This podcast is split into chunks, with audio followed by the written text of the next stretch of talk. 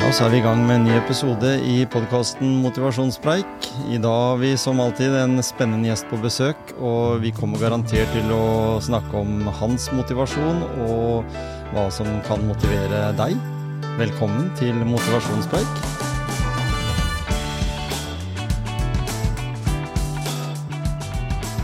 Ja, da sitter jeg her i studio, og i dag så har jeg fått besøk av en kar som er eh, engasjert på mange hold. Eh, alt ifra tømrer eh, og til ordførerkandidat. Det er et ganske vidt spenn. Velkommen til motivasjonspreik, Per Esborg. Tusen takk for det. Du har kjørt fra Drangedal i dag? Ja, jeg har kjørt fra Drangedal i dag og gleda meg til å ned her og være med på en, et sånt type opplegg som dette, for det Ja. har jeg ikke prøvd før. Så bra. Jeg setter veldig pris på eh, gode samtaler. Mhm. Det var en felles bekjent, vet du. Steinar Olsen. Stemmer. Han er Som tok kontakt med meg. Ja, det var, det var veldig hyggelig. Jeg, jeg, kjenner, eh, jeg kjenner jo han etter hvert veldig godt. Har jobba mye for han. Mm. Begynte sånn veldig med noen sånne små, enkle ting, og så ble det mer fantasifullt etter hvert. Ikke sant? det er sånn det skal være. For du driver med lafting. Jeg driver med lafting og ja, tradisjonell snekring. Mm. Uh, og så har det sånn gradvis blitt mer og mer over på litt kreative ting. Ja. Litt eh, møbler og, og jeg, lager eh, rammer og skriver dikt på oppdrag for folk. Ja. Og, ja, som gaver og sånn. Ja. Skriver musikk og ja da, det prøver prøver meg på det. er Det noen som har spurt om du vil være med i eh, Altså, du bor jo i Kjosen, gjør du ikke det? Det stemmer. Ja, Og Kjosen de har jeg spilt fotball mot uh, den gangen. Jeg vet ikke om de har lag nå, men uh, de har i hvert fall hatt det. Det stemmer stemmer. mange baller i lufta, tenkte jeg på. på. ja, ja, ja, det, ja, sjonglering. Nei, jeg har nok aldri Jeg har, jeg har aldri vært noen god fotballsparker. Nei, ikke sant? Det kan du bare ringe til ÅF og spørre om. Ja, ikke sant? det, det gjorde jeg i hvert fall Jeg har vært på Utøya én gang. Ja, Det var første gangen etter at eh, Etter terrorangrepet. Første Mm. gangen de tok øya tilbake. da Og da, eh, da, da er jeg, ganske, jeg er ganske god på å kaste meg ut i ting. Ja. Og da mangla de en spiller til fotballaget. Så sa jeg først nei, det tror jeg ikke er så lurt. Men så mangla de jo en, da. Og da ja vel, jeg får gjøre det, da. Og så eh, endte det med at jeg, jeg blei med, og jeg tror jeg var på banen i ti minutter maks. Og i løpet av den tida så klarte jeg å skåre ett uh, sjølmål med bakhuet. Uh, slå ned en annen spiller med albuen. Og til slutt, før jeg hoppa rundt og så tråkka over. så jeg tror ikke jeg eh, Du fant ut av det at du hadde andre ting å gjøre på Utøya enn akkurat det. ja, jeg tror det. Men det var veldig mange gode fotballsparkere fra Kjosen, så det var veldig sterkt miljø der tidligere. Ja, ikke sant? Det er dessverre ikke lag nå lenger, men Det er litt sånn i forhold til Jeg husker jo de gutta som Når vi dro opp fra Skien og skulle opp og spille kamp der oppe, enten det var Kjosen eller Bostrak eller Drangedal, så var det alltid eh, samla en fin gjeng med tilskuere òg. Vi skulle komme gående med campingstoler og sånn, for folk skulle sette seg på tribunen, hvis en kan kalle det det, Ja, ja. rundt banen. jeg har jo vært veldig mye på Åsheim i seinere år pga. grendelag og idrettslag og sånn. Mm. Eh, For vi har jo aktivitet der nå òg, bl.a. 17. mai, da, Ja, Eh, så jeg, men jeg var liksom aldri noe sånn aktiv i noe sånn fotballmiljø eller noe sånt da jeg var liten. Men jeg bor ikke så langt ifra Åsheim. Så i min oppvekst så var det sånn at eh, av og til på somrene så hørte jeg sånne brøl fra Ja. en eh, liksom åsen bortafor. Og jeg visste egentlig ikke helt hva det var. Nei, Men det har jeg jo skjønt etter hvert, da. At det var selvfølgelig når det var fotballkamp på ja. Åsheim, for da var det, da var det stemning der, Da kom det en håndfull med tilskuere, som hadde laga mye lyd, ja. Jeg husker det. En fin gjeng. Men, men det er jo kanskje litt sånn varemerke fra et sted som Drangedal. Det er jo, blir jo litt sånn tightere mellom folk. Mm. Selv om Kjosen ligger litt utafor, så er det allikevel korte avstander, men allikevel litt lengre hit til eh, Skien. Det er det. Så jeg hører jo det at du har litt dialekt, til og med. Ja da. Det, Det hører med, det der oppe. ja, jeg tror nok Men jeg tror mange, mange i sentrum òg har vel det, håper jeg. Jeg tror, det, i hvert fall. Det, man har. Har jo samme, har jo samme på en måte dialekta alle sammen i Drangedal, kan du si. Da. er Kanskje ja, litt annerledes i Tørdal, men Ja, det blir litt sånn. mm, Du er 95-modell. det stemmer. Mm. Du har eh, vært åpen om eh, din barne- og ungdomstid. Mm. Det Fortell litt om eh, hvordan eh, Per har vokst opp, da. Nei, eh, Per han vokste opp i et veldig sånn trygt og godt hjem. Jeg hadde det veldig fint hjemme da jeg var liten, men var Altså, foreldra mine er ikke sånne som nødvendigvis var mest sånn med på ting, da. Nei? Og det har kanskje jeg blitt litt sånn i opposisjon til, for å si det sånn. At jeg skal være veldig med på alle ting. for de var litt Ja, de hadde, vi hadde liksom vårt og Ja. var, var en del for oss sjøl, da. Mhm. Så hadde jeg tre Eller har- tre brødre, eller tre heilbrødre, så er jeg en litt eldre halvbror, da. Mhm. Som jeg alle har et uh, veldig godt forhold til og, og var mye sammen med når, når jeg var liten. Og så var det jo da sånn i Kjosen uh, når jeg var liten at det var Når du ble seks år, da, så var det jo skolen, ikke sant? Og da var det, da var det fremdeles grendeskole i Kjosen. Mm. Eh, og det, det er på en måte en plass som jeg har eh, både mye gode minner fra, men òg en del ting som, som er Ja, det er ikke så nødvendigvis så vondt i dag, men det var, det var mye som var vondt den gangen, da, for å si det sånn. Og det blei veldig krevende, for jeg, jeg er en veldig følsom og sensitiv person.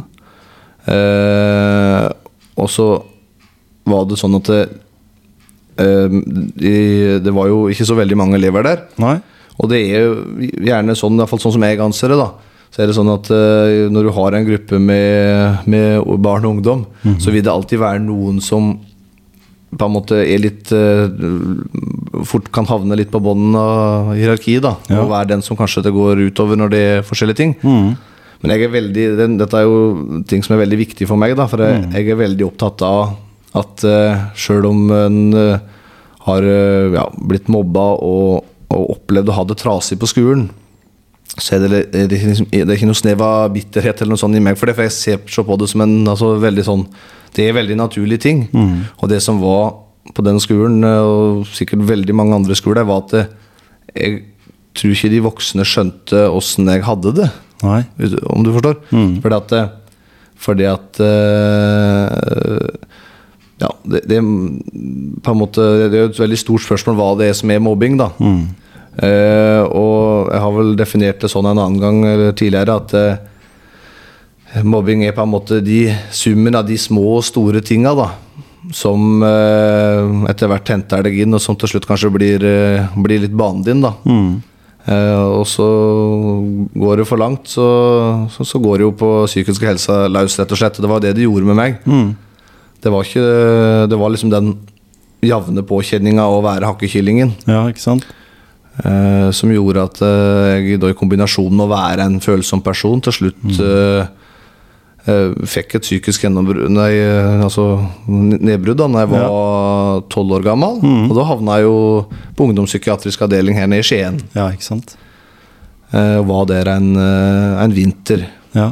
før jeg kom tilbake igjen. Så jeg aldri Jeg har ikke gått på ungdomsskolen, f.eks. Jeg prøvde å begynne der, men jeg klarte aldri å stå i det. Nei, ikke sant? Så, så det var, jeg tror jeg holdt ut en halvtime eller noe. det jeg gjorde ene forsøket jeg gjorde på å begynne på ungdomsskolen. da Så jeg hadde spesialundervisning sånn hele tida der.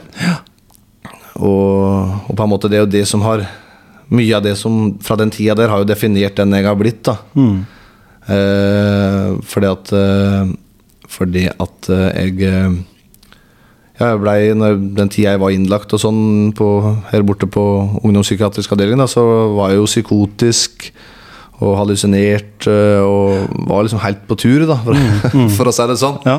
Måtte du medisinere selv nå? Ja, eller? ja. ja? Det hadde jeg brukt medisiner i flere år. Jeg. Ja.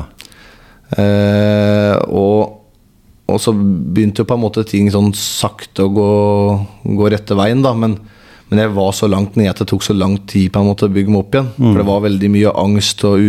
Altså, jeg var veldig redd.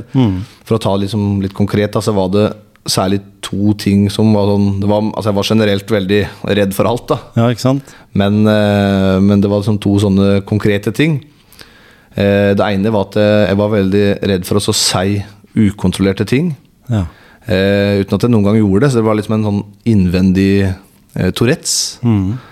Eh, som at det dukka på en måte opp ord og ting i huet mitt som jeg ikke ønska å si kanskje om andre personer, da, som bare kom fra en plass liksom i det indre. Og som jeg var redd for å si. Så jeg var, var så sjuk at jeg gikk lange perioder og holdt meg på tunga og sånn, for at jeg, jeg var så redd for å også si ting. Da. Ja, sånn, ja. Så det var begynt, øh, det, det begynte, når det begynte å bli et problem, det var på bussen. Mm. Det var liksom sånn type settinger som Eller på butikken og ja. Ja, ikke sant? Og den andre tingen, det er liksom enda mer sånn merkelig, da, det var rett og slett en sånn intenst frykt for å svelge gjenstander. Ja. Som er veldig rart. Eh, Det, det, som, det, det mest sprø som jeg har vært redd for å svelge noen gang, det var, det var en bowlingball. Så? Uff ja, så det var ganske altså det, det er liksom For å tegne et bilde av hvor på en måte dårlig det sto til. da Mm.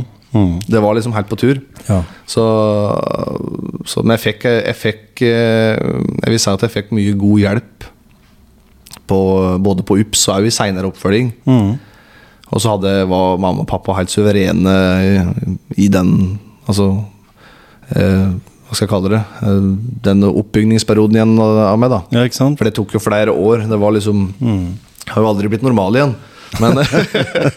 Men, du kan si Jeg blei ja, Kanskje når jeg var sånn type 16-17 år, at jeg begynte å kunne At jeg var, på en måte ble frisk igjen, da. Mm. Men det, det var jo en stor søskenflokk, så det jo, var et stort ansvar på foreldrene dine òg da. Mm, Måtte det det. på en måte fokusere litt sånn litt ekstra på, på Per akkurat i den tida. Mm. Hva, hva, hva Påvirka det noen av søsknene dine? Den Ja. situasjonen du var i? Det gjorde det absolutt. Eh, så det er klart at eh, det var en veldig tøff påkjenning for de. Eh, det har jo gjort at vi har òg et bra samhold i dag, da. Mm.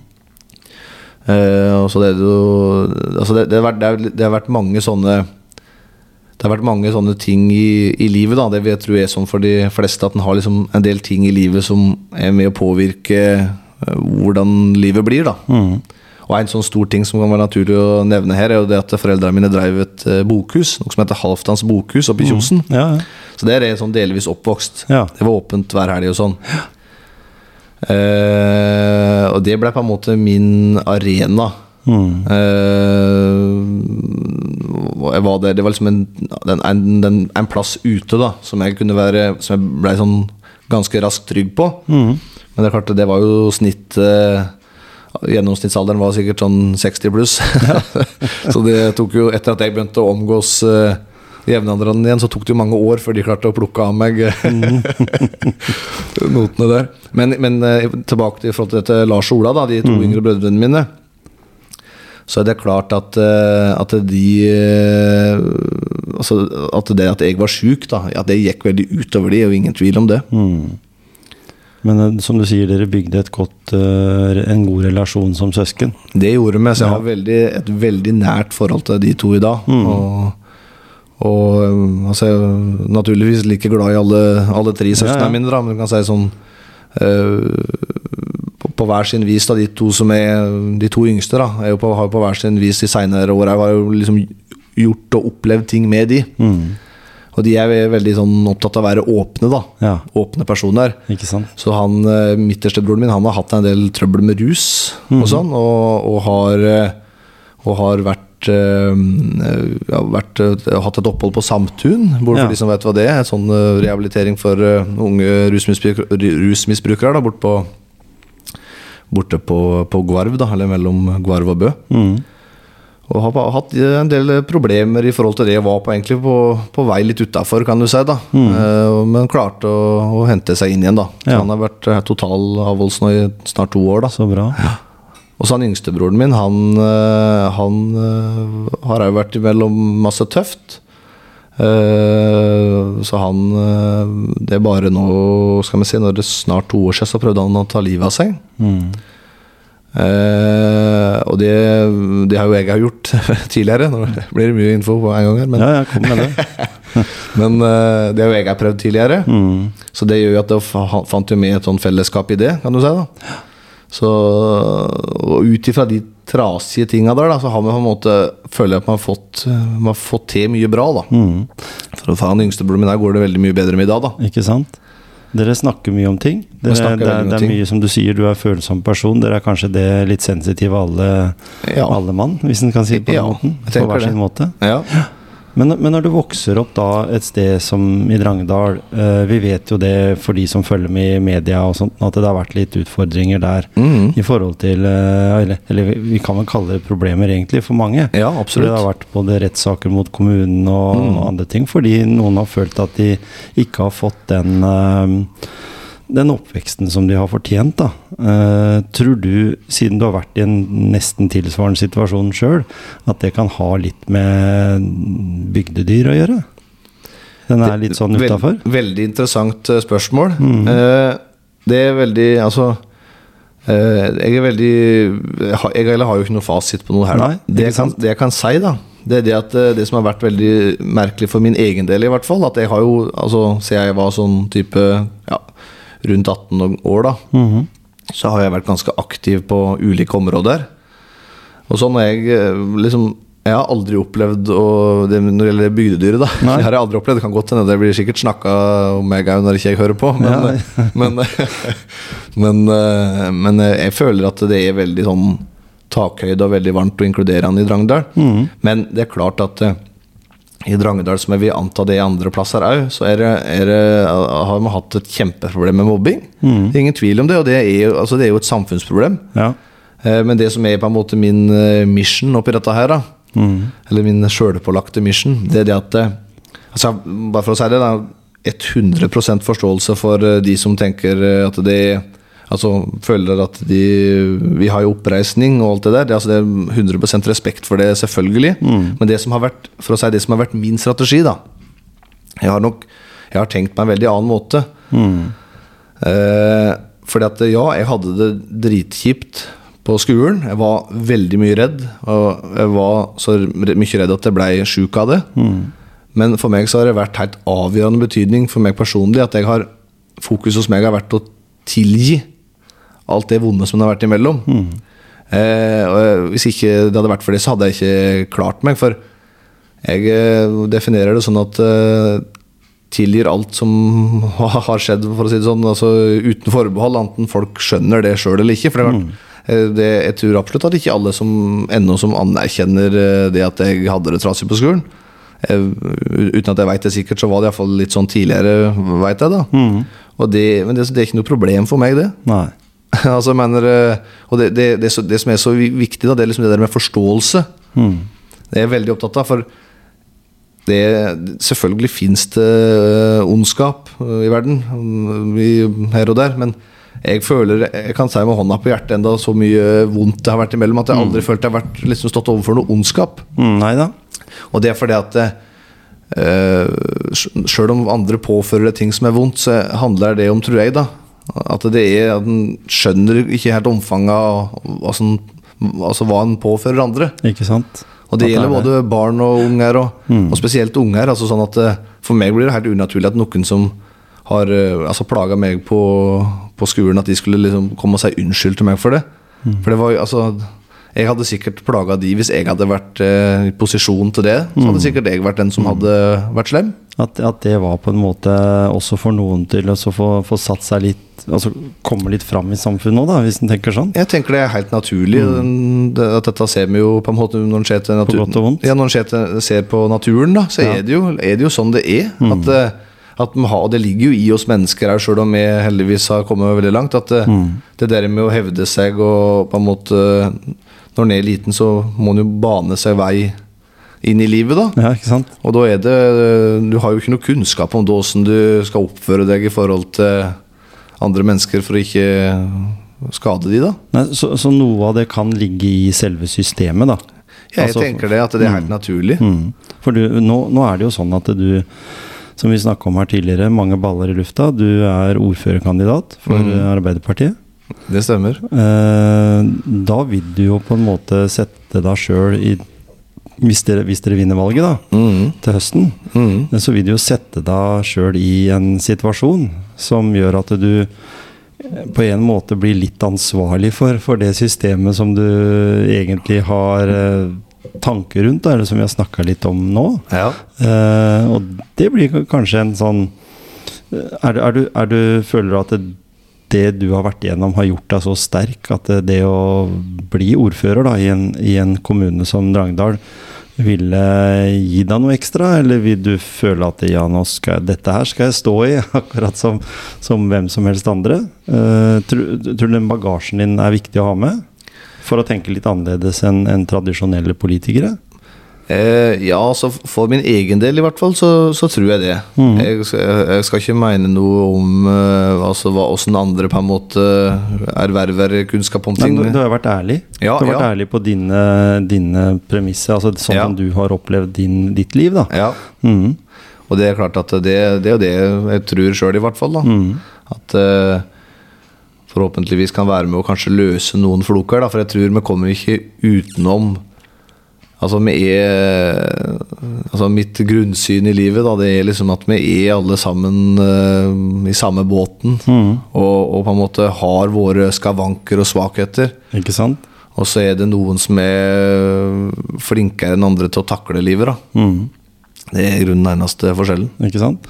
Når, når du forteller ditt budskap, altså det vi har snakka litt om her nå, den Mm. eh, historien din eh, Du holder jo foredrag om det. Mm. Eh, så tenker jeg at eh, Føler du at du når inn til de menneskene som da kommer og hører på deg? For du har, du har holdt det noen ganger. Jeg har holdt noen ganger. Så du føler jo på det fra scene til der. For, for dere kombi, du kombinerer det sammen med broren din. Mm. Eh, dere kombinerer det med litt musikk. Eh, kanskje litt lettere også til og med for å fortelle dette her på en, en litt humoristisk måte. For du liker å le mer enn å gråte, har jeg lest. Ja, ja, ja, for det, ting kan bli veldig fort vanskelig og alvorlig. Vet du. Ja. Så det er, veldig, det er et veldig viktig aspekt. Altså Humoraspektet er liksom Mm. alfa og omega. Ja, ikke sant? At man kan ta litt humor på ting. Ja, Og le litt av det som har skjedd, selv om det var alvorlig nok. Ja, ja, ja. Mm. Absolutt. Får du noen tilbakemeldinger om det fra mennesker som er der, om at de syns det var en fin måte å få, få høre din historie? For det er mange, mange der ute, unge mennesker, som, som har tilsvarende historie som, som du har. Mm. Mm. Ja, så jeg har fått en del tilbakemeldinger eh, på, på det. Og har, har ikke, for å si sånn, jeg har vel ikke fått noen negative tilbakemeldinger som jeg husker, i hvert fall. Nei? Eh, Det som, eh, det som selvfølgelig er litt av kunsten, da, det er jo Og det er ikke jeg noe god på enda i hvert fall. Det der å på en måte En, en ting er å fortelle om, om seg sjøl, det er jo én ting, da. Mm. Men det er det der å klare å tilføre andre noe, det er, en, det er liksom en det, det er en, et ideal for min del, da. Mhm. Og det, det er klart jeg er, en, jeg er en ung mann på 27 år, så jeg håper jo at jeg med å, å på en måte gå i livets lære da, kan Ja. bli flin, flinkere på å på en måte formidle og kanskje være med å hjelpe andre. Da. Det er jo, må være liksom øverste idealet for min del. Ikke sant? Og det er du i ferd med, fordi du har jo barn. Det har jeg. Ja, ikke sant? Så det Jeg har en, en guttunge på fem år, og Ja. eller snart fem år. Og så har jeg jeg stefar til, til tre. Mm. Ikke sant? Så. Så da har du, mm, vet du hva det vil si å være en pappa også i den, Ja i den rollen. Du har mange roller. Eh, Ja. Fyr, du driver jo innen håndverk, da, som du sa her. Eh, snekring. Mm. Sånn god gammeldags eh, snekring. Eh, lafting og som du sier. Så, så, så oppi alt dette her, da, så starter du jo din egen virksomhet igjen. Altså en, en, et utsalg. Ja, det er det samme på en måte. Det har, jeg har bare den ene virksomheten, for å si Ja, det sånn. Da. Så? Sånn sett, da. Så det, det er på en måte det er en kombinasjon. Vi har jo Altså, vi tar, eh, vi tar vanlige oppdrag og bytter vinduer for folk og sånn. Ja, ikke sant? Alt sånt. Ja, også, men så gjør vi jo vi opplever jo i økende grad at vi får eh, forespørsler på mer sånn eh, Kanskje ja, sånn kre, litt kreative oppdrag. da Innrede ting og innrede rom. Eh, ja, lage, lage bar.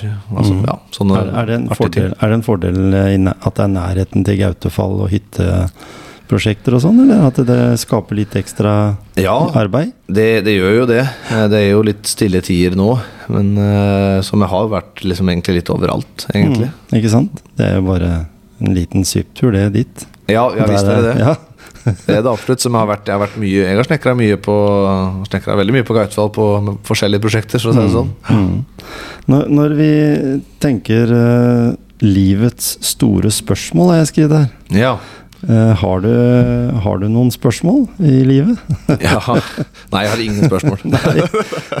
Hva, hva, hva, er det som, hva er det som har motivert deg da til å stå i det som du har gjort? Er det, er det noen du gjør, gjør du dette her for å bevise for andre at uh, Per han er ikke den uh, personen som sleit uh, i over ti år liksom, av livet sitt? Men at det er egentlig allikevel kunne spille på følelser, som du sier, sensitivitet, være, være liksom For det, mange mennesker greier ikke helt å finne seg sjøl, kanskje? Nei, det som, det som, er, det som er, er, for min del, iallfall, da, mm. det at jeg er nettopp den personen som uh, har gått imellom alt det som er vanskelig. Mm. Og det, det, er liksom ikke noe forandret det, er det er ingenting som har blitt forandra. Mm. Så jeg, jeg, har det, jeg har de samme på en måte det samme følelseslivet nå. Altså jeg, selvfølgelig altså jeg klarer jo Altså jeg fungerer jo mm. i, i, samfunnet, for å si det sånn. Jeg håper de fleste er enig, i hvert fall. Og, ja. og sånn, men, men det er men det er, altså jeg, er den, jeg er den fremdeles, jeg. Mm. Så jeg pakker meg liksom ikke noe, noe, inn eller prøver å være noe annet enn jeg er. Nei, For, for, for i det vi ser eh, i media i dag, altså sånn innenfor de, de, yngre menneskene som vokser opp i dag, dette med angst, depresjon osv., og, så videre, og selvmordsforsøk eh, så, så, tas det jo veldig så er det veldig fokus på det i en del i media i forhold til enkeltpersoner som kanskje får et angstanfall, og så er de helt friske og fine igjen. Mm. Uh, er det litt sånn at uh, noen ganger så får feil personer uh, oppmerksomhet rundt akkurat det, den problemstillinga du har vært i, eller syns du det er bra for for at det kommer fram mer rundt psykisk helse? Jeg syns det er veldig bra at folk står fram og forteller historiene sine. For det mm. er, altså, nå er jo jeg en person som er veldig glad i historier. da, mm. sånn. Jeg syns det er veldig givende å høre altså, andre, menneske, andre menneskers erfaringer. Mm. Eh, og på en måte jeg har hatt eh, og har mitt liv som jeg har eh, til tross for at jeg er ung, at det, liksom, det har vært mange ting da, med mm. det som har vært mm. veldig vanskelig. Jeg må si det. Mm. Uh, men det, det, litt sånn som du var inne på i stad, så altså jeg føler meg ikke noe mer Jeg føler meg ikke noe spesiell av den grunn. Eller, noe unikt. Det er bare at uh, min Det er jo en sånn definisjon på at uh, altså, min opplevelse av, av, mitt liv er jo like unik for meg som den er for alle andre. Ja. Alle har sin unike erfaring. Så det er litt med hvordan vi på en måte kanskje hvordan vi forholder oss til det vi opplever i livet. da mm. Men når du tenker da sånn Jeg har jo snakka med andre på podkast her, bl.a. en uh, partikollega, i hvert fall i Skien, Maja Foss Five, eller i fylket. Ja. Og hun, da var vi litt inne på dette her med forskjellen mellom det å være lei seg og deprimert. Mm. Uh, det å være engstelig og ha angst. Mm. Uh, det er jo vanskelig å si hva som er graden av det. Eh, graden er ganske sterk når du kommer inn på ungdomspsykiatrisk, som du, du har gjort. Da. Ja. Eh, og da blir du stående skikkelig i det. Da får du et støtteapparat rundt deg med behandlere og, og andre som, som, på en måte jobber for å få deg frisk. Mm. Eh, Syns du den eh, holdt jeg på å si, mellomværende mellom engstelig og angst og lei seg og depresjon er vanskelig liksom å si? Hvor, hvor, hva er hva? Nei, altså, For deg som har vært på den sida. Ja. Jeg, jeg, kan ikke sjøl si at jeg har hatt noe av det. Så jeg er jo liksom kanskje da på, på den der. Jeg kan være lei meg, men jeg, jeg, det, blir ikke så sterkt. Jeg kommer over det liksom i løpet av den dagen. Ja. Uh, kan du liksom si litt om den, hvor, hvor sterkt det er? At du begynner, sånn som du sa, begynner å vurdere å ta livet ditt og sånne ja. ting. Fordi da må du jo tenke at du er mer en belastning mer enn bare for deg sjøl òg. Mm, For du ja. virker jo som en livsglad person. Ja, veldig. Ja, absolutt, absolutt. Altså, jeg, jeg, det er noe jeg er glad i ser i livet, for å si det sånn. Eh, ja. Eh, det var et langt spørsmål, men ja, jeg skal prøve å se hva jeg Som politiker, vet du, så må ja, du regne med å få mange sånne. Jeg må kunne klare å svare på meg, vet du. Nei, altså, for å ta det først, da, i forhold til, til den opplevelsen av, av det å Eller, eller skillet, da, mm -hmm. mellom uh, Og Da tenker jeg på hva du tenker. Ja, ja jeg skjønner. Mm -hmm. Uh, og det jeg tenker er at Du kan jo komme til et punkt jeg, jeg syns det kan være et naturlig sånn skillepunkt. da mm. I det du på en måte opplever at du ikke mestrer det lenger. Mm. Det tror jeg er Du må ha liksom- hjelp. Ja, at du må ha hjelp. At, eller at du bare rett og slett ikke klarer å forholde deg til problemer. Da. Mm. Du trenger du kan, altså, du kan innse det, men at du du på en måte klarer ikke å deale med det. Du lar være å gå Du, kan du klarer ikke å gjennomføre ting. Nei? Det tenker jeg er en veldig sånn naturlig skillepunkt. For det, Mm. det er mange ting, og sånn har jeg det med mange ting i dag òg. At jeg syns mange ting eh, sånn periodevis i hvert fall er såpass vanskelig at det, at det, altså at det koster meg noe da Ja. å, å gjennomføre det. Det syns jeg absolutt. Men, eh, men, eh, men det er jo det der når du kommer til et punkt der du ikke faktisk klarer å så stå i ting, da. Det er jo et uh, naturlig skillepunkt. Mm. Og da, altså, i forhold til når du er mer enn bare nedfor og leide, da, for å si det sånn, Ja. tenker jeg. Mm. Så, så men, Og i forhold til det der med hva vi kan måte gjøre med det, Mm. så tenker jeg jo at vi, vi kan liksom være gode med hverandre. da Mm. Forsøke det, det har jeg så klokketro på. altså Ja? Prøve å være det merker en altså, Det merker en jo når en er ute og har med folk å gjøre. At det, altså, folk er jo veldig forskjellige. Mm. Og de som er kanskje litt uvennlige eller vanskelige, da, de, de er ikke noe dårligere mennesker, de, på noen måte. Men, men, det, er, men det er det at en forstår kanskje ikke helt eh, det, kanskje, at det kan av og til skorte litt på forståelsen for, at, eh, altså for andres behov, da. Mm. Tror jeg. Ja, for jeg jo vokst opp på 70-tallet sjøl. Ja. Og da, der var det sånn helt sånn vanlig eh, som blei brukt av de voksne. Mm. Ta deg sammen. ja.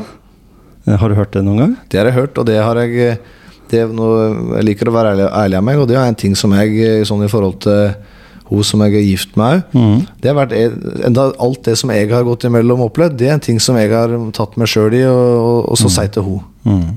en del ganger. Ja, ikke sant? Så det er liksom det, det tror jeg er en ting som blir sagt veldig mange plasser her fremdeles. Da. Det er jo Ja. mm, altså en total uh, du, du hjelper ingen med å si det, Nei, det tror jeg for, for å si det sånn. Nei, men, altså noen uh, vil jeg nå tro som ikke sliter, Mhm. å få høre det. Liksom, Mhm. Hvis du er en, et uromoment i en situasjon, det kan være en, noen bokstaver eller hva det måtte være, Ja, ja. Uh, så kan det nok være kanskje at det, nå må du ta deg sammen. Liksom. Men, men hvis du på en måte ikke har den løsningen fordi hodet ditt er som det er, eller at du hører stemmer der, eller du, du, er, liksom, du er på en måte psykisk syk egentlig, mm. så må det være noe av det verste å få høre. ja, det tror jeg nok absolutt. Ja. Mm. For du har, ikke, du har ikke peiling på hvordan du skal gjøre det. Nei, og, og det der med altså den mentale helsa, da. Mm. Den er Jeg tror den i, i større og mindre grad så angår den de fleste. Mm. Oss kanskje, men for noen så er det kanskje mest i gitte situasjoner i livet, da. Ja. At det nærmest, altså kanskje når en mister noen, eller eh, eller at en opplever eh, tøffe ting. Jeg tror alle, ingen som går imellom livet sånn bare som en dans, som en dans på roser, for å si det sånn. Så er det selvfølgelig forskjell på folk, øh, Mm. og det handler, om, det handler jo om øh, den opplevelsen en har av ting, da. Ja. Så du har funnet gode løsninger. På det, det er sånn som de sier i Sverige 'funka for meg'. Ja, ja, det, ja, det kan du si. Jo. Mhm. Og når, når du da eh, tenker eh, Nå skal vi koble deg litt over på det politiske. Ja, ja. Fordi du sier du har vært på Utøya. Mm. Da er, da er du litt mer enn eh, normalt interessert i politikk, Mm. mener jeg, da. Ja. Ikke fordi det er mange i Arbeiderpartifolk som har vært på Utøya i, i mange mange år. Jeg har til og med hatt en far som har vært der. eh, ikke for, for Arbeiderpartiet, men for LO. Ja, Så, så, han, så, så mange har jo på en måte trippa rundt på, på den øya, da. Ja. Eh, og da tenker jeg Hvilke politiske forbilder har du? Eh, ja, altså det, Om du har noen? Jeg har, ja, jeg har det. Jeg har flere, altså jeg har flere politiske forbilder, egentlig. For det som er, som er veldig interessant, da, det er at eh, du har, du har liksom personligheten, mm. og så har du eh, det de har, det de har gjort, Ja. og så har du situasjonen de har vært i. Mm. Og nå er jeg ikke noen sånn at jeg eh, jeg skal, jeg skal ikke utgive meg for å være noen som kan, uh, kan, kan alt, for å si det sånn. Så jeg, det er jo masse jeg, uh, masse jeg ikke vet eller har noe innsikt i. Men ut fra de personene som jeg har lest meg opp om, og sånn da mm. så syns jeg f.eks. at en sånn som altså Jeg synes jo sånn som Stoltenberg for eksempel, da, er en sånn type leder som er Som jeg har veldig mye på en måte mye go altså en veldig, Han var en veldig god leder, da. Han er jo det fremdeles. Mm. Og det, han, er, han kan jeg si er et forbilde Ja. Ikke nødvendigvis at jeg er enig i all politikken, eller sånn, men fordi at det, det er noe med den settingen den er i òg. Ja. Og, og sånn eh, Og så syns jeg jo Jeg har hørt en del på og lest en del sånn som eh, Martin Kolberg. Jeg må si Han er ved, han, Når det gjelder på en måte ideologi og den, de tinga der, så syns jeg han er veldig, veldig god. Ja. Og sjøl så er jeg jo Jeg er jo medlem av det partiet jeg er Altså av det ideologiske, rett og slett. Mm. Er det, er det fellesskapet, det sosialdemokratiske, som er liksom fenger, da? Ja, eh, og altså For å ta det litt sånn i forhold til sånn som eh, med Stoltenberg òg, da. Så er det jo en del eh, Er det jo en del i den tida som han var leder, da, så er det klart at det var en del Arbeiderpartiet tok noen skritt til høyre da. Det er i hvert fall en del som er på litt ut på venstresida som, som mener det, da. Som kanskje nå ikke lenger føler at de kan være hjemme i Arbeiderpartiet, heller er med i Rødt eller, eller sånn. Ikke sant? Eh, og, og det er jo litt om det jeg mener litt med den lederegenskapen til Stoltenberg. For sjøl er nok jeg på mange måter en sånn veldig ideologisk person. Men så må man jo se på den verden vi er i. Og, og det der med å på en måte tenke at en skal klare seg alene og male, seg, male seg egen kake, da, det, den, eh, det tror jeg er litt farlig. Jeg tror vi på en måte må forholde oss til at vi er en del av verden. Ja. At det, det, i, det, i det- lengste, altså, I det lengste løpet da, så er det det som er viktig. Så jeg, jeg, jeg misunner ikke de som uh, sitter på toppen og styrer nå. Nei. For det er en veldig krevende tid å styre i. Mm. Eh, og så er ikke det noen unnskyldning for å ha dårlige meningsmålinger, da, syns jeg. For det kan jo være Det kan jo være Det at det krevende stier, kan jo kan jo gjøre en populær òg. Mm. Men det er klart at nå er vi kanskje inne i ei tid der vi må ta At vi må ta noen litt upopulære valg, da. Mm. For å altså, sikre øh, framtida for fellesskapet. Mm. Og da, det er klart at det blir det upopulært. Og det må jeg si i forhold til i og med at jeg tross alt er ordførerkandidat òg, da. Så er det en ting jeg har tenkt en del på nå. At jeg, hvis, jeg, hvis det var målet var å bli populær, så tror jeg ikke det hadde Da var det en veldig dum idé å bli, å bli det, for å si det sånn. Mm. For det Jeg tror kanskje Altså øh, det- En må nok finne seg i at det er Sånn er det. At en, alle, alle blir uansett ikke enig. Nei. Og det vil alltid være folk som ikke er enig med en og syns at en er en fjott. Mm. Og det må man bare tåle, og så ha respekt for det. Ja. Men, men, har, men har internasjonal politikk blitt lokalpolitikk nå? Fordi det er jo saker som berører oss internasjonalt. Altså s- verdenssamfunnet eh, har kanskje blitt litt mindre. Altså vi har blitt litt nære, fordi det som påvirker eh, oss med krigen i Ukraina, det går helt ned på menig mann i Drangedal. Det gjør det. Og så har den jo det, altså, den store snakkisen selvfølgelig overalt. eh, Når vi jeg tru i mm, den tida vi er i nå, da, er jo dette med energi og sånn. Det er jo brennhett, for å si det sånn. Ikke sant? Eh, og, og det må vi òg Altså det, der er det jo Det er mange momenter med det, men det er klart at eh, en kan jo være det, det som er viktig, da, i hvert fall sånn i en, i demokratiske forum, da, eh, mener jeg, det at vi på en måte Det må alle meninger være liksom akseptable. For jeg, ser, jeg registrerer at det er en del folk som har, sliter litt med å og sånn Det gjelder egentlig litt politikk generelt. At det er en del folk som sliter litt med når, når, altså, som, ikke, som blander litt når den kommer til det der med å være uenig om ting. Fordi at eh, jeg kan være forrykende uenig med folk, og det, men det handler aldri om person. Nei. Liksom for det Men det, det syns jeg kanskje litt fort blir blanda inn, eh, og selvfølgelig i hvert fall på sosiale medier, men det er jo sånn i debatter at, den, at det blir litt, uh, blir litt sånn for personlig vinkla liksom Hvis en er uenig om noe, da, så, så liksom uh, kan folk bli skuffa over en, og ja den, uh, har den meninga, da. Ja, og verden har jo blitt annerledes de siste ti åra.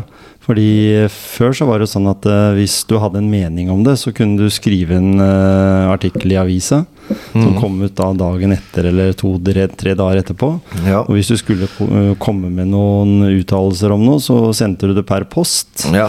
Og det kunne jo da ta fire, fem, seks dager. Og nyheter, de eh, kom alltid De var alltid gamle nyheter når de kom på i avisa, mens Ja. de hadde da vært på TV kvelden før. Altså all, hele I dag så kan du jo på en måte se direkte filmer fra jordskjelvet i Tyrkia, f.eks., Ja, ja, ja. som, som du får veldig nært på deg. Ja. Eh, tror du det at vi graver oss veldig ned i negativitet når det blir så veldig fokus på de tinga som, som, er negative. Politikerne må stå i det. De får kjeft, de får kjeft, de får kjeft. Ja. Vanlige ledere for firmaet har for høy lønn, så, mm. så får de trøbbel. Og, og, lønner ikke godt nok, så får de også trøbbel. Så det er liksom mange sånne fokus på, på negativitet og nettrolle og dette her. Ja. Nei, altså det er, det er, jo vanskelig tematikk. Mm. Eh, det er jo veldig bra at folk får anledning til å ytre seg og sånn, og på en måte at de eh, og er ærlige, da. Ja. Samtidig så er det selvfølgelig en belastning at eh, folk som ikke har kanskje peiling på en ting, da, mm. i hele tatt. Mm og det ser no, det, Sånn er det jo på kommunalt nivå òg. Ikke sant? Altså folk Det er, det er Nå skal jeg, jeg, skal, jeg er en person som er i utgangspunktet veldig forsiktig med å ta i bruk eh, sånn, ta, ta i bruk stygge ord. da ja. Men, eh, kraftuttrykk. Ja, kraftuttrykk. Men at mm. det er jævla mye synsing, ja. for å si det rett ut. da mm. Det må være lov å si. Mm. Det er ærlig sagt. ja, mm. og, og, og, og, det er noe med det at, eh, at det blir altfor fort kobla opp mot uh, liksom personlige egenskaper hos folk. Mm. Så der føler jeg at man har en lang vei å gå, egentlig. Ja, altså. for, for, du har jo fått litt grann sånne er, jeg pleier å si på pukkelen av, av uttalelser i, i, lokalt. Ja, ja, det, ja da. Og du liker å si fra. Fordi ja, ja. det er klart at en må ha, som du sa tidligere, en takhøyde. At sakene må være At en må skille sak og person. da Ja og det er kanskje ikke så lett, som du sier? Nei da, men samtidig så er det noe med det at uh, Altså det å på en måte være kritisk til uh, meninger og sånn, det er jo en veldig fair ting, da, for å si det mhm. sånn. Og, det, mhm. og særlig så, og sånne tenker du om sånn politiske meningsmotstandere og sånn. Så da må en jo tåle, jo tåle litt, da. Mm. Men på en måte folk som sitter på utsida og, og, ikke er med i noe politisk parti, og allikevel uh, på en måte ja, slenger ut dritt, da. Det er liksom litt sånn det, jeg vet ikke hva, hva, de liksom tenker at de skal oppnå med det.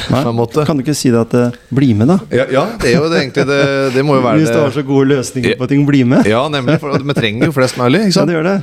Og vi er ikke noen orakler med som uh, Bare for at en er med i sagt ja til å stå på ei liste eller være med i et politisk parti, så blir en jo ikke noe orakel av den grunn. Nei, ikke sant?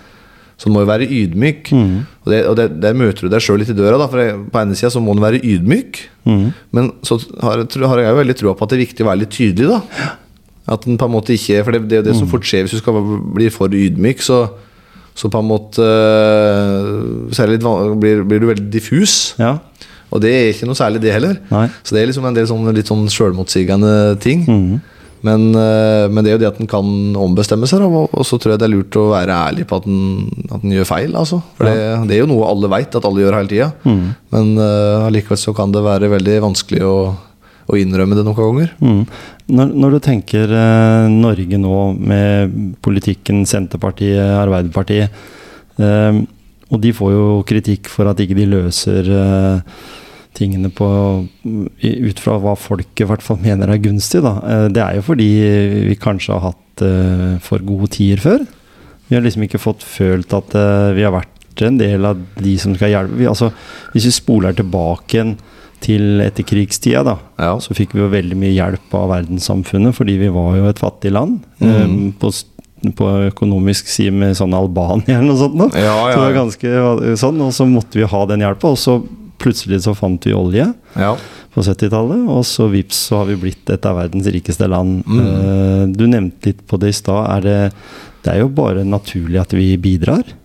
Ja, jeg, jeg tenker det. Mm. Ja, det tenker jeg. Mm. Eh, og så er det selvfølgelig sånn at det som kanskje kan være litt problemer, da, det er det at ja, er et veldig rikt land og man har ufattelig med midler på, på bok, da, mm. det sånn.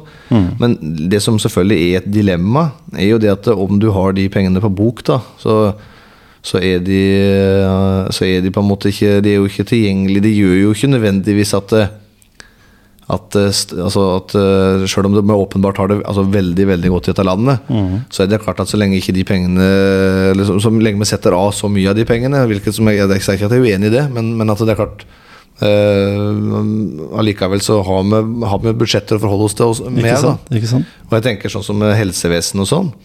Så det er klart at mye av det som gjør helsevesenet og skolevesenet sånn så bra, er jo de som jobber der. Mm. Det er jo det som du kan, du sier det er liksom ikke Sånn som i Drangedal, har vi jo jeg vil si, bare for å skyte inn det, at vi har jo liksom et fantastisk helseapparat i Drangedal. Mm. Det er liksom det, er- det er dritbra, rett og slett. Ja, ikke sant? Eh, Og det er jo ikke fordi at de har noen feite budsjetter. Nei. Det er jo heller tvert imot. Det Det blir. Mm. litt mye andre veien igjen, kanskje. At det blir eh, litt mye sånn Uh, Iallfall sånn, sånn som vi omtaler det i, i politikken, da, i møter og sånn, liksom at det er litt mye sånn blir litt mye flink pike noen ganger, kanskje. At det Mm. er gjør kanskje Det ser en jo på sykefravær og litt sånn, at det er jo høyt. Og, Mm. og, og det har jo sammenheng med at er, folk virkelig henger i stroppen, altså. Mm. Og det, på, og det er jo på godt og vondt, for det, det er veldig bra at vi har et så bra tilbud til å være en så stor kommune og så, få, så få folk. da Ja.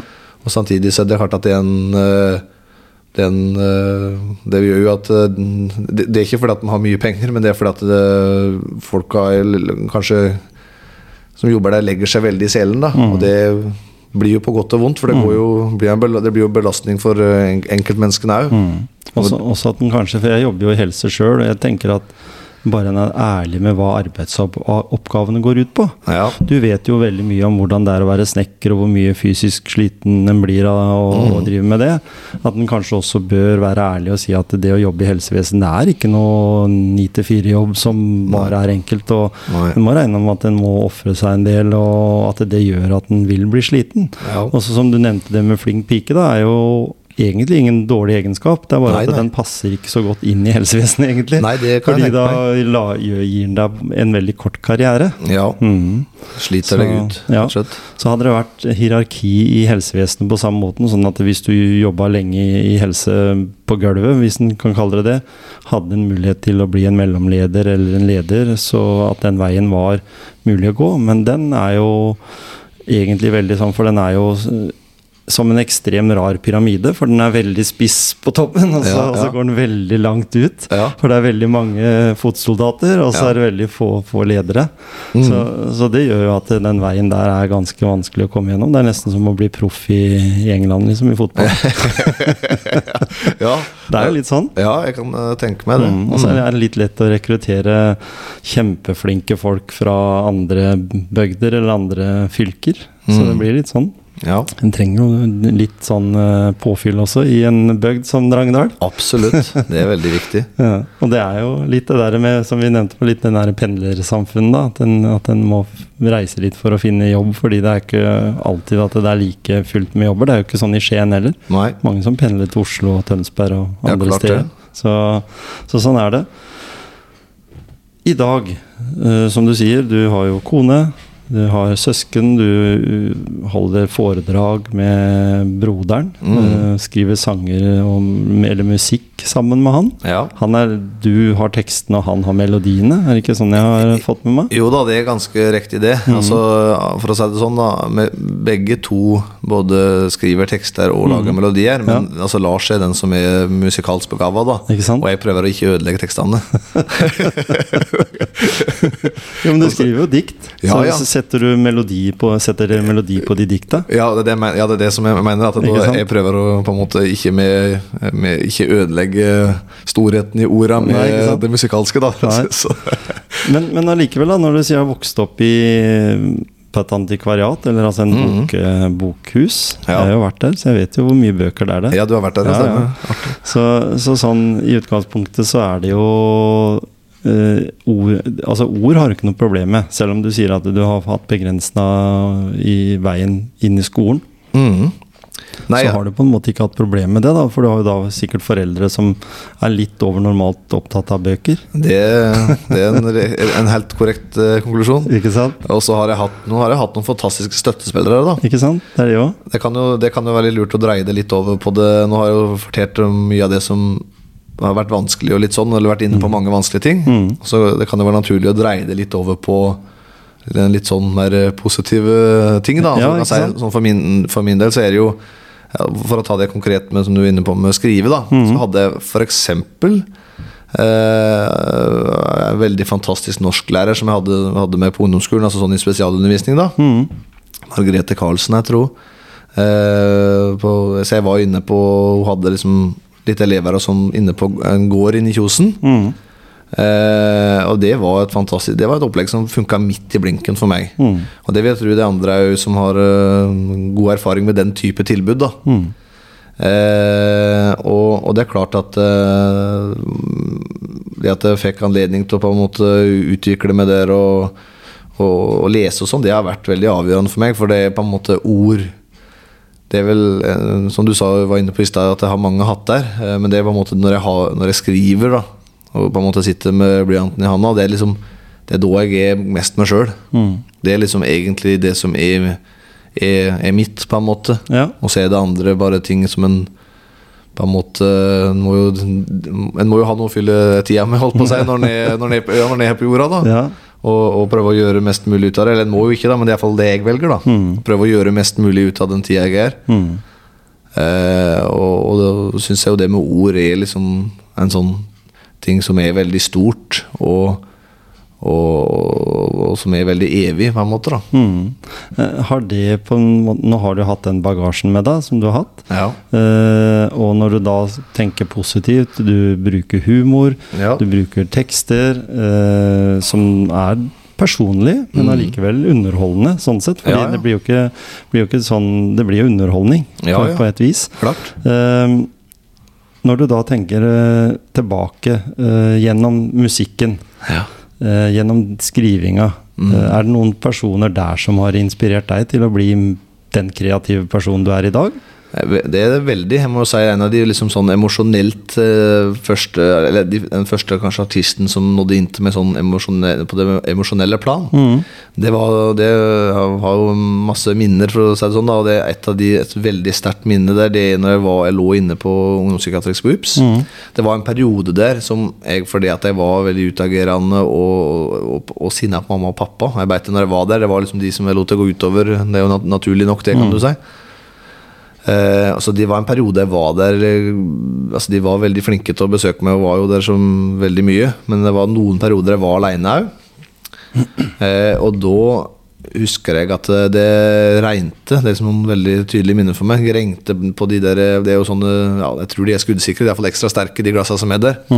Så var jo da nede mot Skienselva på baksida der, der jeg hadde rommet, da. Og så husker jeg at jeg hørte på Hadde fått en CD av pappa med Johnny Cash.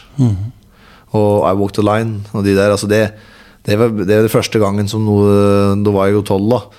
Det var første gangen som liksom jeg var sånn, ble sånn emosjonelt påvirka av musikk og tekst der. Eh, og det har på en måte Den styrken i i formidling da, og tekst, det har liksom vært med meg siden det.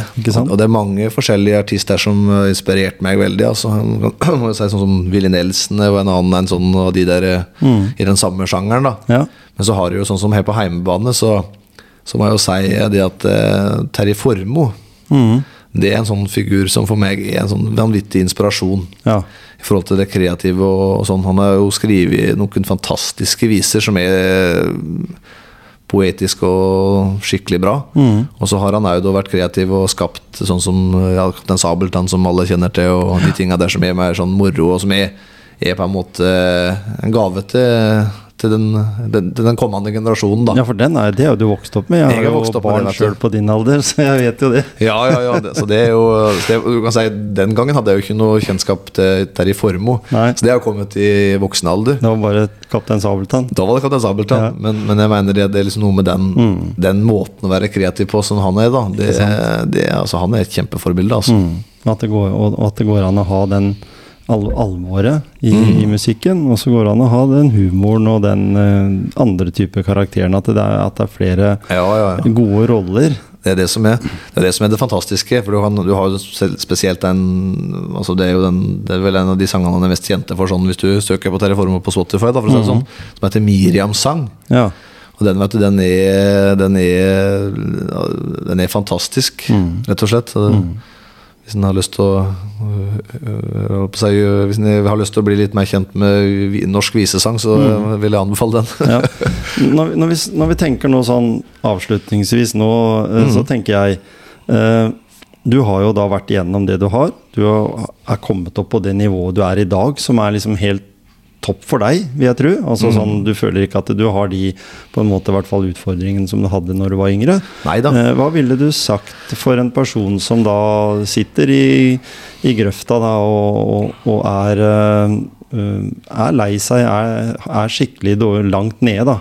Eh, hva ville du ha sagt? Hva funka best for deg da å, å komme ut av det? Du sier jo at du var avhengig av foreldre, at, du var, at det var nettverket også som måtte hjelpe til. Men, men hva, hva kan du tenke deg i dag, når du, når du er på en måte blitt voksen og, og ser tilbake på det, som, som har hjulpet deg spesielt?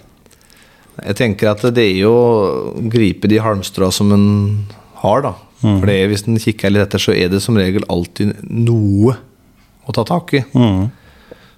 Og så er det det at det er bestandig håp. Ja. Og når det gjelder forhold til det der med, det der med For å ta litt om det som er, altså, er kjempeviktig da, i forhold til sjølmord og sånne ting.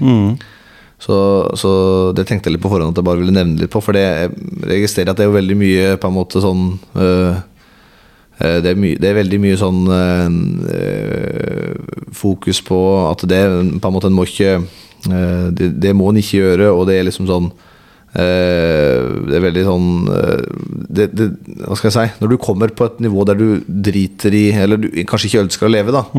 Så jeg er litt usikker på hvor mye det hjelper. Eh, selvfølgelig veldig naturlig for altså storsamfunnet å på en måte eh, eh, være sånn eh, konsekvent i retorikken der. Da, på en måte At en bare liksom, ringer det nummeret her, får hjelp. Men det som er problemet, da, er jo at det er når du er i en situasjon der du har lyst til å ta livet ditt og har selvmordstanker, så er det liksom ikke så Det er liksom ingen andre enn deg sjøl som egentlig kan hjelpe deg med det. Nei. Men det er veldig, altså for all del hvis en sitter og kjenner på at en har, uh, har de følelsene, så for all del snakk med folk og alt sånn, men det handler òg om noe inni, inni en sjøl, da. Og jeg kan jo si det at når, den gangen jeg var nærmest av livet mitt, det var da, da gikk jeg Det var en vinter, var 15 år. Eh, og, jeg tror jeg satte en stege opp imot et eh, tre og, og sto der oppe og en, over en time med røkka rundt halsen. da og da var jeg liksom veldig sånn ferdig, og jeg var ferdig på en sånn måte at jeg var egentlig blitt veldig mye friskere. For det er liksom fort å tenke at det når en er At det er når en er altså når du er på ditt sjukeste, liksom, da, tar du livet ditt. Men for meg var det ikke sånn. Det, det er det jeg prøver å få litt fram. Da, at, at det, det er liksom noe med det emosjonelle denne, at, du, altså at du virkelig du, du, får et sånn ønske om å dø, på en måte. For at det er liksom lettere enn å, å være i livet. da Ja, ikke sant? og det som gjorde at jeg lot være å ta livet mitt den gangen, eh, det var at eh, det blei så fint sånn lys på slutten av dagen. Ja. Eh, og sånn litt sånn rødlig lys, ikke sant? Og det syns jeg var så forbanna vakkert, rett og slett. Jeg tenkte at det å bare Altså, det var mitt halmstrå da, i den Ja. situasjonen. Ja, ikke sant? Og på en måte da kunne jeg skrive om det og, og sånn. Og, og det, det er vel det som har berga meg seinere òg, at en på en måte har opplevelser som er gode. Og det er klart at for meg, eh, altså en sånn eh, raring som jeg er, da Det å få lov å f.eks. stå og framføre en sang om, som handler om, om det å ta livet sitt, da. Eh, det er veldig sterkt. Og, og det, det, altså, da, livet blir liksom mer verdt når du har på en måte den motvekta. Da. Og jeg må jo si jeg, det i forhold til har vært med I forhold til det med selvmord, så var jo som jeg nevnte i stad, så var jo den yngste broren min òg gjorde jo et enda mer eh, iherdig forsøk enn det jeg sjøl gjorde. Han Ja, ja. skada seg, så han har jo mena det enda, for han kutta seg i armen. da Ja, ja. Eh, og da, da tenkte vi å gjøre med nå, liksom, for å, jeg sa det til henne, hva er det vi kan gjøre for å Det må være noe du vil. Liksom, for han, han var liksom veldig likeglad med alt, da, han blei. Så han sa det at han eh, Nei, han visste liksom ingenting. Men så til slutt så, fikk, så sa han det at eh, jeg måtte ha vært, også vært på Akropolis, da, sa han. Så sa jeg at da reiser vi dit. Så det, det gjorde vi sammen. Da reiste jeg dit, og vi har vært i pyramidene i Giza og, og noe sånt, og ja, litt forskjellig. Og det, det, det, det poenget er at det, hvis du Altså, vonde ting kan alltid føre til noe bra. Hvis du bruker det, på en måte. Og jeg hadde, jeg, hadde, jeg hadde ikke kommet til å vært verken på Akropolis eller Giza ennå hvis ikke for at broren min holdt på å ta livet, eller prøvde å ta livet av seg. Nei? Og det er jo opplevelser som ikke ville vært foruten. Nei. Eh, så, så det du mener da også, at, at, en, eh, at det å gjøre liksom noe som på en måte, altså Du setter jo livet ditt i perspektiv. Mm. Eh, du besøker eh, store attraksjoner. eh, skaper attraksjoner sjøl ved at Ja. den holder foredrag sånn som du gjør. Skriver musikk. Eh, er det kanskje en god medisin? Det å sette seg i Det kan jo være noen syns det er litt ukomfortabelt, men allikevel så, så, så blir jo livet på en måte verdt å leve, da. Ja, altså må ha noe holdepunkt. jeg har en sånn holdning de som, Jeg har jo noen som jobber for meg og sånn òg. Ja. Og de ler litt av meg for det, for at jeg er sånn som uansett hva det er Mm. så, Og det er bare sånn, sånn er jeg bare. At, jeg- altså, jeg, prøver, hva kan jeg bruke dette til? Ja, Uansett hvor store slagen får i trynet òg. Mm. Hva kan jeg bruke dette til? ja. Det er liksom alltid noe en kan få ut av allting. Mm. Det er ingenting som sånn sett er forgjeves, for det er alt eh, er nye erfaringer. Og, Mm. og i forhold til navnet på denne podkasten, motivasjonspreiken, så tenker jeg jo det at eh, at det, jo, det må jo være en eh, Eller i hvert fall det har vært en veldig sånn grunnleggende motivasjon for min del. Mm. På en måte Når en får ting som er tøft, så på en måte da tenker jeg at om ikke annet, ja, så skal jeg iallfall kunne bruke dette til noe på et uh, senere tidspunkt. Og Det er selvfølgelig en, sikkert en litt hår, hårreisende og rar påstand, men det er liksom sånn jeg Alt kommer til alt, så jeg er liksom glad for alt det har vært imellom. Du har, du har kommet styrka ut av det? Jeg føler jo det sjøl, nå har ikke vi snakka noe sånn om det, men det har vært um, tøffere ting i seinere år òg i forhold til samlivet og sånn, og hatt mye Hatt veldig personlig sånn vanskeligheter med det, fordi at eh, Ja, at jeg syns det har vært eh, krevende å være i relasjon, da. Mm. på en måte. Sånn paradoksalt nok. Ikke sant? Eh, og, og, og på en måte det er jo Det er jo ikke at jeg er glad for at det har vært mye trasig, men samtidig, hvis det ikke hadde vært for det trasige, så hadde det liksom ikke vært så bra nå heller, hvis det ikke var for at den hadde den, den, det vonde, da. Mm.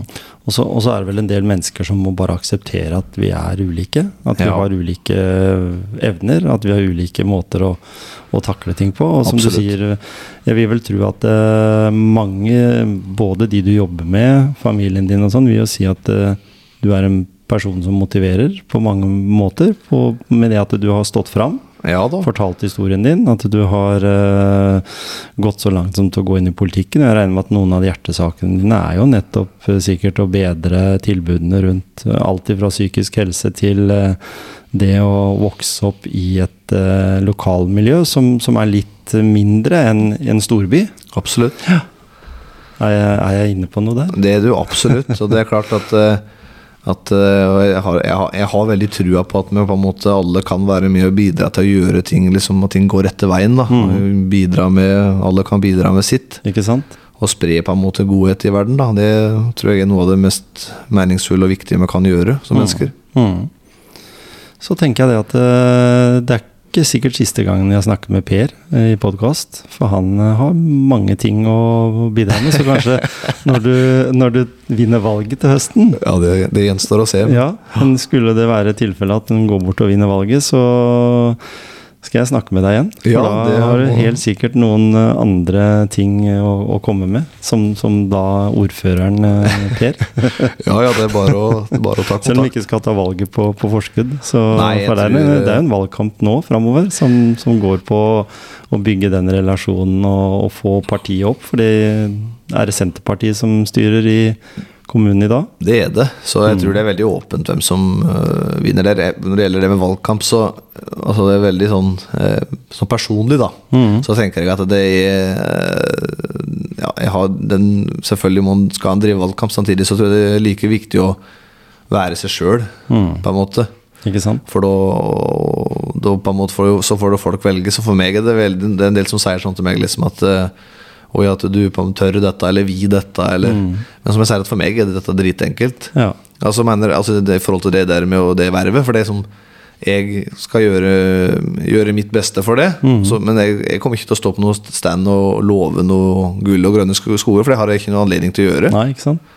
Men jeg kan være jeg kan, Det eneste jeg kan love, er på en måte å være til stede og, og, gjør, og at vi prøver å holde oss til det programmet vi har, og mye som vi jo er i ferd med å sluttføre, kan du si nå, da, som er veldig mange gode punkter i og sånn. Ikke sant? Og det er på en måte det, det, det handlingsrommet jeg har. Mm. Ja, men Det blir gøy. Ja, det blir spennende. Spennende, skal følge det. Tusen takk for at du kom til motivasjonspreik. Tusen takk for at jeg fikk komme. Det var artig erfaring. Så bra.